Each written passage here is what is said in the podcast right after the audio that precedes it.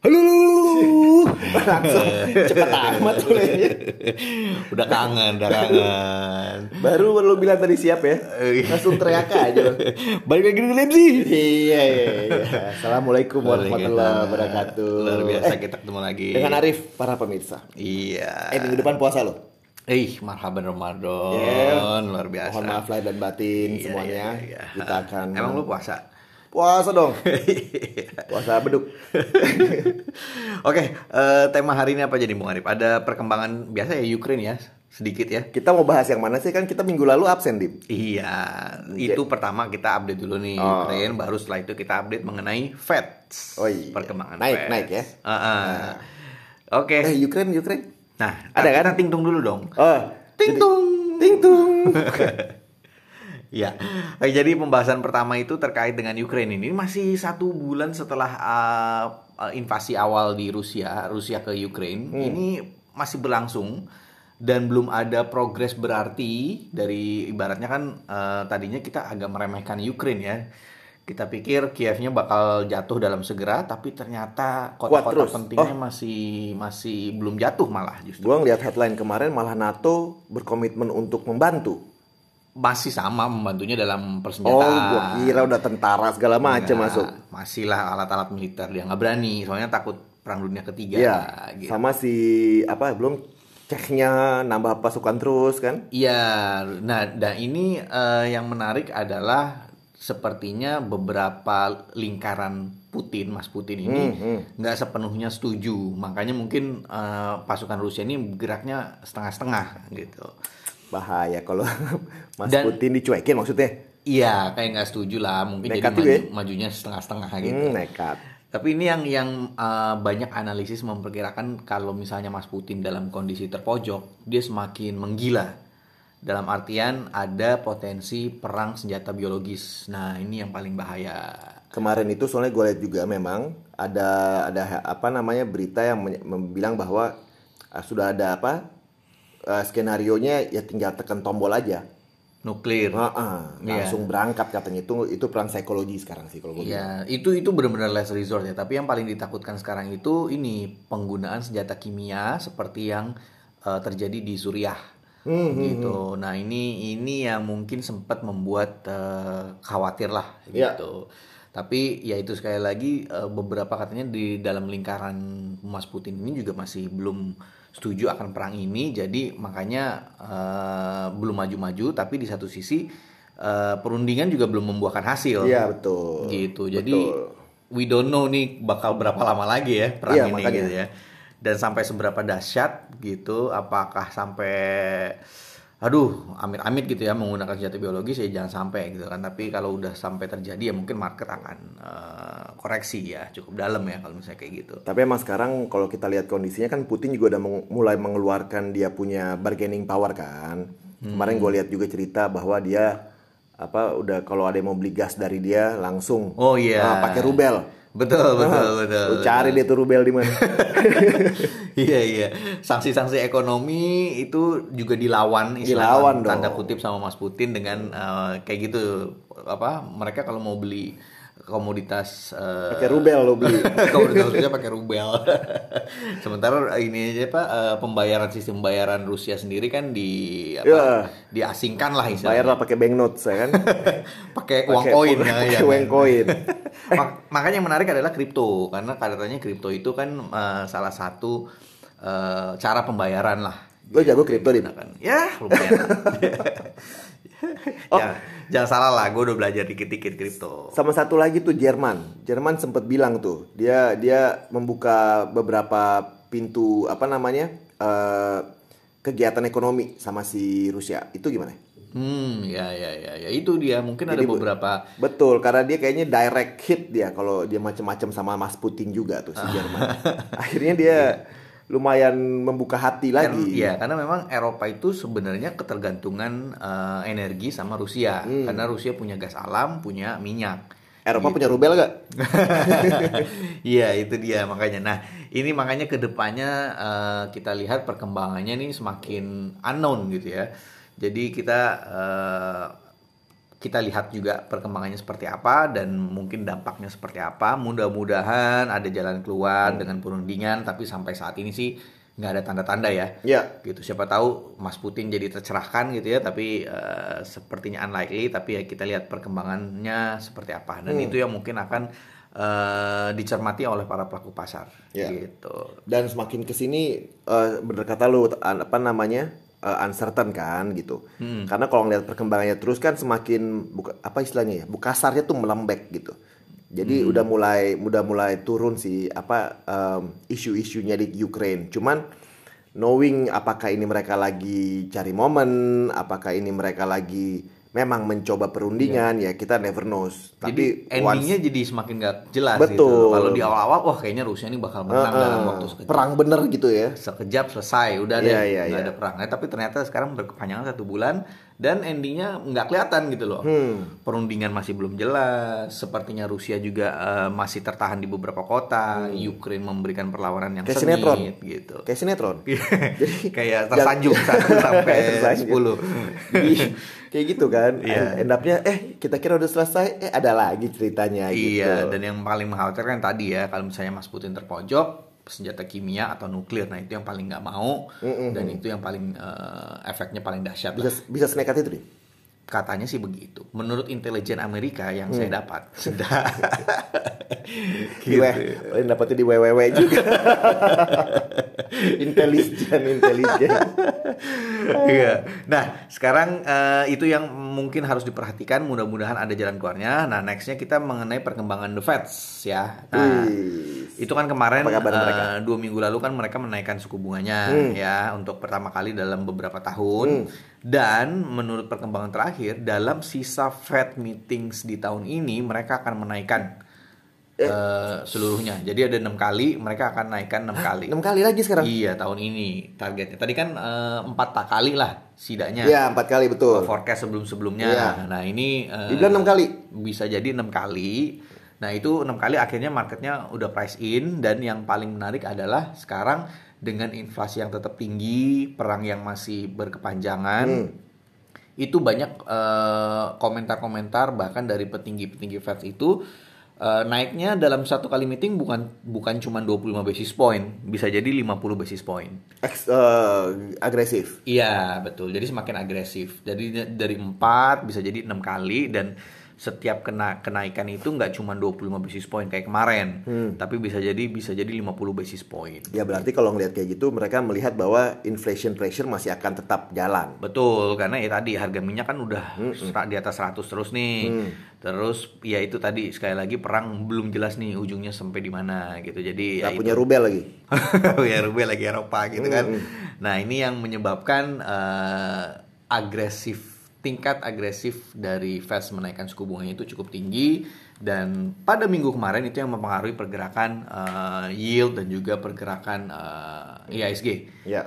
gitu. Soalnya kalau ngelihat yang tadi lu cerita terkait dengan apa namanya kenaikannya si sam- eh, the Fed sampai empat kali sampai enam kali, itu eh, dolar indeks itu nggak banyak bergerak gitu. Hmm, Kisarannya cuma 98, 98,4, 98,2, 98, 98 lah pokoknya. ya. Ya, jadi eh, apa yang seperti tadi Bung Dims itu bilang bahwa ini udah price ini untuk yang satu kali ternyata sangat sudah gitu. Ya, betul. Jadi nggak nggak nggak banyak nggak banyak adjustment di harga gitu. Nah, kalau untuk yang bilang bahwa ini udah di adjust sampai eh, naik sampai 50 basis, naik sampai enam kali, Itu mungkin yang Mbak itu mungkin yang mesti kita lihat gitu. Karena kalau ngelihat pergerakan kemarin di minggu kemarin khususnya nggak ada tuh uh, setelah komentar kemarin. Kalau kita lihat di, di apa misalnya di minggu sebelumnya gitu angkanya juga sama. Di kisaran dolar indeks ini di kisaran 98 aja terus gitu. Ya. setelah komen 98 sebelum komen 98 ya gitu. Jadi nggak nggak ada belum ada not, not, nothing uh, surprising sih. Kalau mungkin enam kali itu market udah lumayan ah, oke lah enam kali masih oke. Tapi yang mungkin agak sedikit Hmm. atau market lumayan, bilang ah ngomong aja loh ah enam kali masa iya sih? Gitu. Kan gitu. Eh, bisa jadi. Tapi mungkin market lebih eh, surprise itu terkait dengan ada potensi naiknya nggak cuma 20 Ya, kalau itu jadi teman-teman pemirsa, kalau yang 50 basis tadi seperti Bung Dims itu bilang, itu uh, at this time the way our view ya again, a view is just a view gitu. Disclaimer on. Yaitu uh, akan ada akan ada pergerakan lah langsung di market gitu. Nggak kayak kalau cuma naik 0,25. Jadi kita lihat ke depannya dengan statement-statement ini uh, secara ya, kecuali Ukraine lah ya. Kalau kita cuma ngelihat si uh, pergerakan uh, kenaikan suku bunga yang cuma 0,25 itu nggak akan bikin gerak apa-apa di market gitu. Betul. Karena very much udah expected. So far sih memang kemarin pergerakan rupiah itu stabil banget ya. Mm-mm. Di nggak nyentuh 14.400 eh, tapi eh, bertengger di 14.350 atas lah kurang lebih. Jadi 370, 380, Iya. 390, tapi range-nya kurang lebih segitu. Sementara IHSG itu minggu lalu itu malah all time high ya. Iya. 7000 nembus dan berada di kisaran 7049 kalau nggak salah penutupannya. Sebelum akhirnya minggu di Jumat itu koreksi, tapi sepertinya itu eh, technical correction dan juga ya tadi mungkin eh, sebagai antisipasi agresif dari eh, Fed tadi gitu kurang lebih. Ya. Gitu. Kalau secara yield bond juga eh, apakah ada pengaruh Bung Arif? Kalau kita lihat yield sih sebenarnya nggak terlalu banyak bergerak. Walaupun iya yield itu udah udah udah uh, Mostly naik dari in ya. naik dari kapan tahu gitu. Sebelum-sebelumnya, oke. Jadi kalau kita lihat yang US dollar 10 tahun itu kan masih di kisaran berapa sih? 6, 68 67 gitu. Hmm. Nah, sebelumnya kan sempat di atas 7 dan segala macam. Tapi sekarang bertengkernya di situ. Hmm. Jadi kalau ngelihat apa namanya? Kalau ngelihat pergerakannya bonds, bonds itu uh, sekarang lihatnya apakah apalagi kalau udah ngomongin bonds pasti kan ngomongin the Fed. Nah, orang-orang ini lagi waiting on the sideline. Hmm. Ya kan, nggak berani gerak banyak juga di sini nih. Semua yang berhubungan sama interest rate semuanya kebanyakan nunggu. Tapi tidak di saham. Nggak, gua ngomong ini nggak ngomongin uh, saham dunia, saham Indonesia aja deh, Iya. gitu kan. Nah, kalau saham Indonesia kalau kita lihat justru melejit terus. Betul. Nah, apakah sih pertama eh, kepemilikan asing by the way turun terus ya, guys. Eh, kepemilikan asing di surat berharga di surat Indonesia. berharga eh, di di kepemilikan eh, obligasi pemerintah itu udah turun terus. Itu udah sampai 860-an triliun. Hmm, Mungkin Nah. ya banyak beralih ke saham juga ya. Betul, jadi gua nggak bisa bilang buru-buru bilang bahwa ini uh, flight out gitu untuk ke mana namanya ke y- apa US uh, ke asalnya. Heeh. Tapi ini kemungkinan ya bisa aja ke saham Bisa gitu. jadi. Nah, jadi kalau untuk uh, pergerakan obligasi, kalau gue bilang masih sangat-sangat nunggu on the sideline. Uh, lalu juga saat ya mungkin melihat perkembangan si Ukraine and the gang Iya. itu sih. Karena kemarin minggu lalu tuh eh, ini sangat santer itu IPO Goto. Ah silakan Oh, silakan. itu silakan. menarik itu. Iya, semua orang pada ngomongin tuh. Iya. Gue sih nggak ngomongin. itu menarik sih dan eh, jujur aja gue coba-coba lah iseng gitu Hmm. kan. Karena kalau gue lihat kemarin kan eh, memang mau banyak orang bilang momentum IPO Goto itu agak eh, serem. Karena saham-saham teknologi di global itu lagi Hmm. Turun. turun. Terus kemudian Bukalapak itu eh, yang sebelumnya IPO itu nggak pernah lebih tinggi daripada harga IPO-nya gitu dan saat ini pun harganya berada di 300 Hmm. dari tadinya 800-an. Nah, Si siapa itu Bukalapak? Bukalapak. Hmm. Nah, Goto ini eh, dia kan eh, nawarin kurang lebih di antara 360 lah kalau nggak salah 380 Hmm.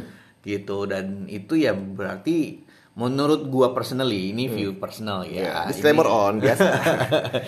ya dari yang berarti harganya nggak jauh-jauh dari harga Bukalapak sekarang dan potensinya kalau misalnya marketnya sudah membaik itu bisa jadi ke 800 kan kayak Bukalapak di IPO gitu.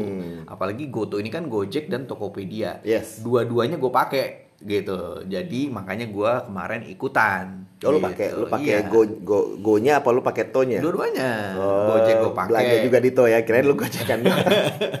Tokopedia juga pakai. Oh, belanja lah ya. Lumayan itu. Apalagi lumayan. mendekati lebaran loh di bulan puasa banyak banget yang bakal kita beli. Kok kita ngiklan gini jadinya?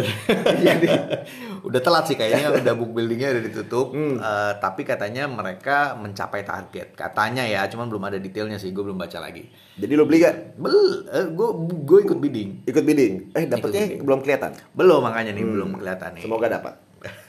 semoga Nah, dapat nih- dan semoga naik Semoga nah, dapat jadi enggak. Jadi kalau lu nih, nih kan ini kayak investor saham banget lu nih gue perhatiin ya kan. ya lumayan lah Jadi kalau misalnya lu udah beli IPO terus dapet nih, Dit.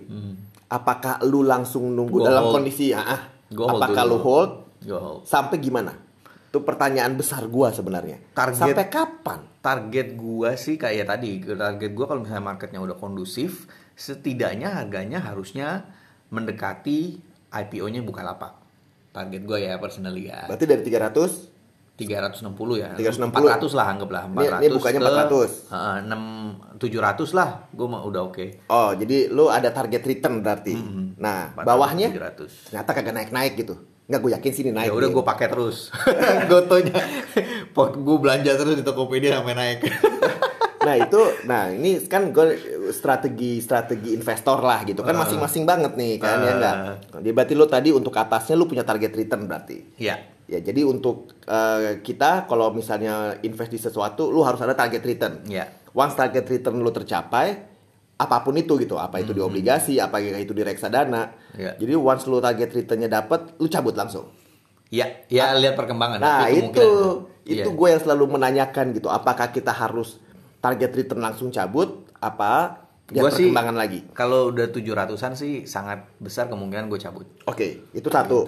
Yang kedua, bawahnya. Bawahnya Kalau- justru gue nggak keluar, tapi gue akan nambah.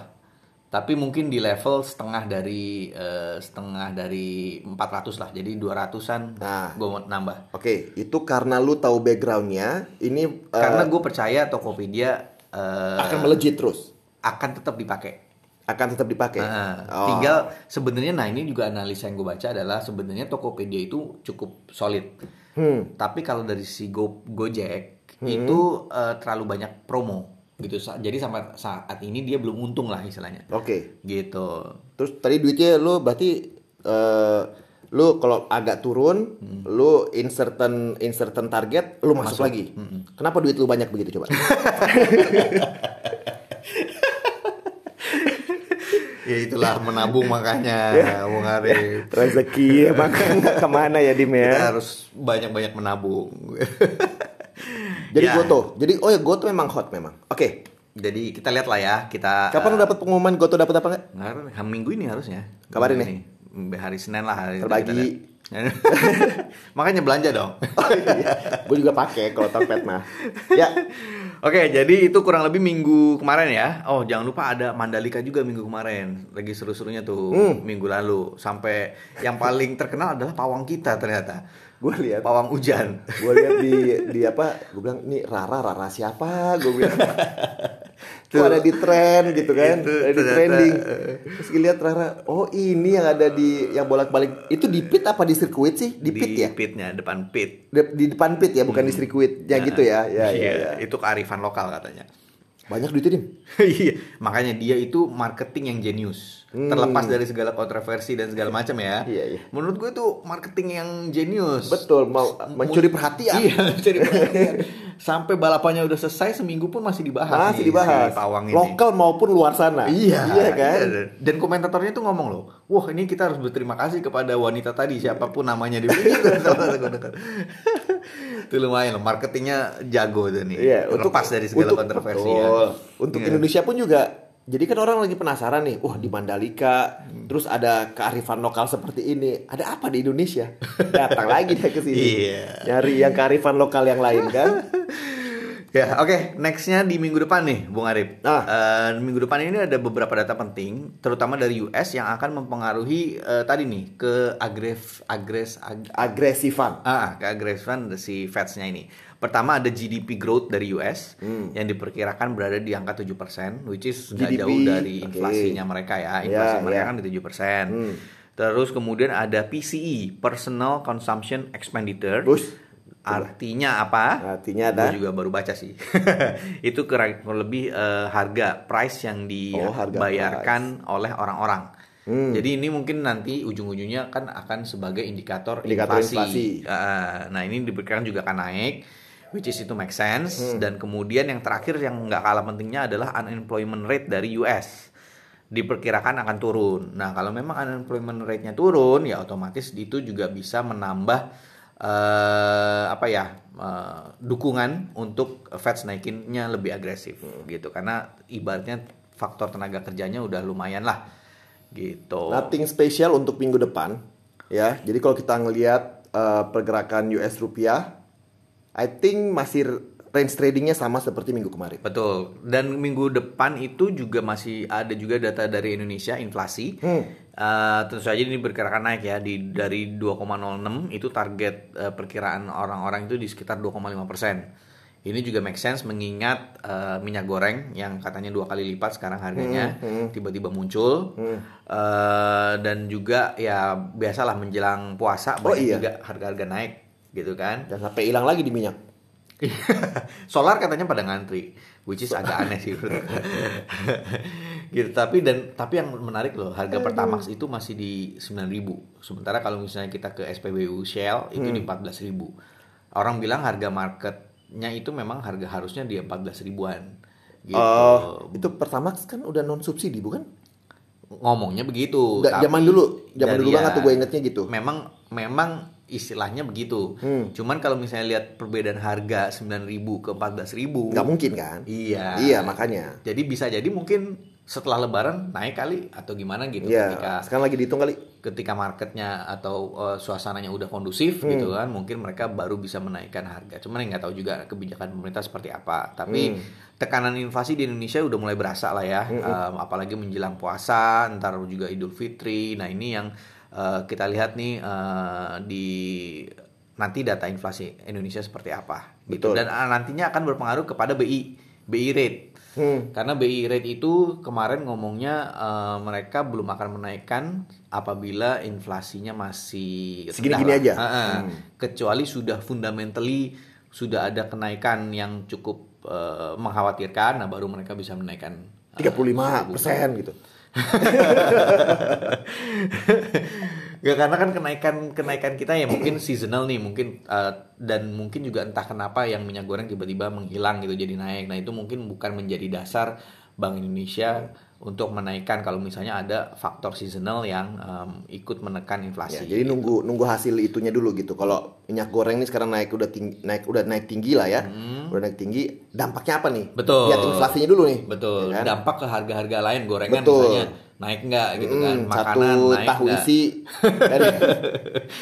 makanan naik nggak gitu Betul. kan terus nah itu kalau misalnya udah menjalar ke mana-mana nah itu baru mungkin akan Karena mungkin kan kalau misalnya minyak goreng itu kan satu bung, satu satu liter misalnya bisa dipakai buat banyak masakan. Ya. Jadi kontribusi ke tiap-tiap masakan mungkin tidak sebesar si satu liternya Ya, itu. betul nah itu ya itu yang mungkin harus diperhatikan juga eh, Saya akan perhatikan. depannya. terus juga ada inflasi data dari Eropa nah ini mungkin terkait dampak dari eh, perang ya kita lihat karena pasti harga komoditas di Eropa itu naik Hmm. Itu s- baru awal-awal perang aja udah naik apalagi sekarang masih udah satu Sensitif bulan sekali. Betul, apalagi sekarang Mas Putin minta dalam rubel. Rubel. nah, ini yang mungkin mengkhawatirkan. Jadi ke depannya juga market pasti akan eh, cenderung tertekan ya, walaupun eh, kita lihat IHSG sudah berhasil nembus all time high. Hmm. Eh, mungkin ya ngetes lagi nih level 7000 ya Yes. gitu. Tapi ya tenaganya ya so far sih belum kelihatan juga. Kecuali IPO Gotonya sukses banget gitu ya dan menjalan Oh ke mana-mana. iya betul akan ke sana tuh arahnya. Betul. So jadi kalau untuk IHSG kita perkirakan di Dia akan ngetes lagi 7000 sih. Oke, jadi range Eh ya 7 ribuan. 7 ribuan. di bawah 7 ribu. berarti 6900, 7100 ya. Oke. 7 ribu plus minus 100 lah. Iya iya, siap. Gitu. Ada lagi yang kita akan prediksi? Rupiah juga eh, kemarin itu menarik ya. Rupiah itu 14.400 nggak ditembus. 14.350 ke bawah juga enggak. Jadi kurang lebih range trading ya. Range trading memang. Dan kebu- kemungkinan Kan tadi gue udah bilang range Iya, trading. iya, iya. Lu nih? Iya. Berarti ya mungkin minggu depan juga kurang lebih begitu juga. Iya, range-nya. gitu. Seperti minggu lalu lah, most, most likely. Betul. Apalagi yang lo mau prediksi, Dim? Udah. Harga minyak goreng? Siapa tahu mau nebak harga gorengan, kan bisa aja. Iya. Harga gorengan bakal naik nggak nih menurut lu? Iya. Oh, oh, naik dikit pasti. Tapi naik dikit. Jadi maksudnya Tadinya 1001, jadi seribu. sekarang 2000 Uh gila lu. Kagak lah. enggak maksudnya dulu 2000 eh 3002 gitu misalnya. Enggak. Itu dia masih naik dari seribu Hmm. Ke 1100 atau 1200 dulu. Ya masa beli gorengan 1100 kagak ada kembaliannya abangnya. Biasanya tuh gitu naiknya. Oh itu strategi pricingnya begitu. Iya. Tapi nggak mungkin lu Dim lu naikin misalnya satu 1500 Iya sih. berarti naik 50 persen loh Ya makanya 1500 satu Nggak. kan. Terus ada urusan. Kenapa kita jadi mikir gitu ya?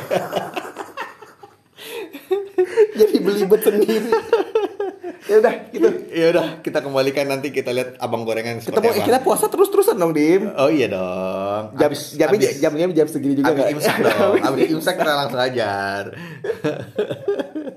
langsung ngoceh habis sahur atau sebelum sahur dim jadi kita tenang aja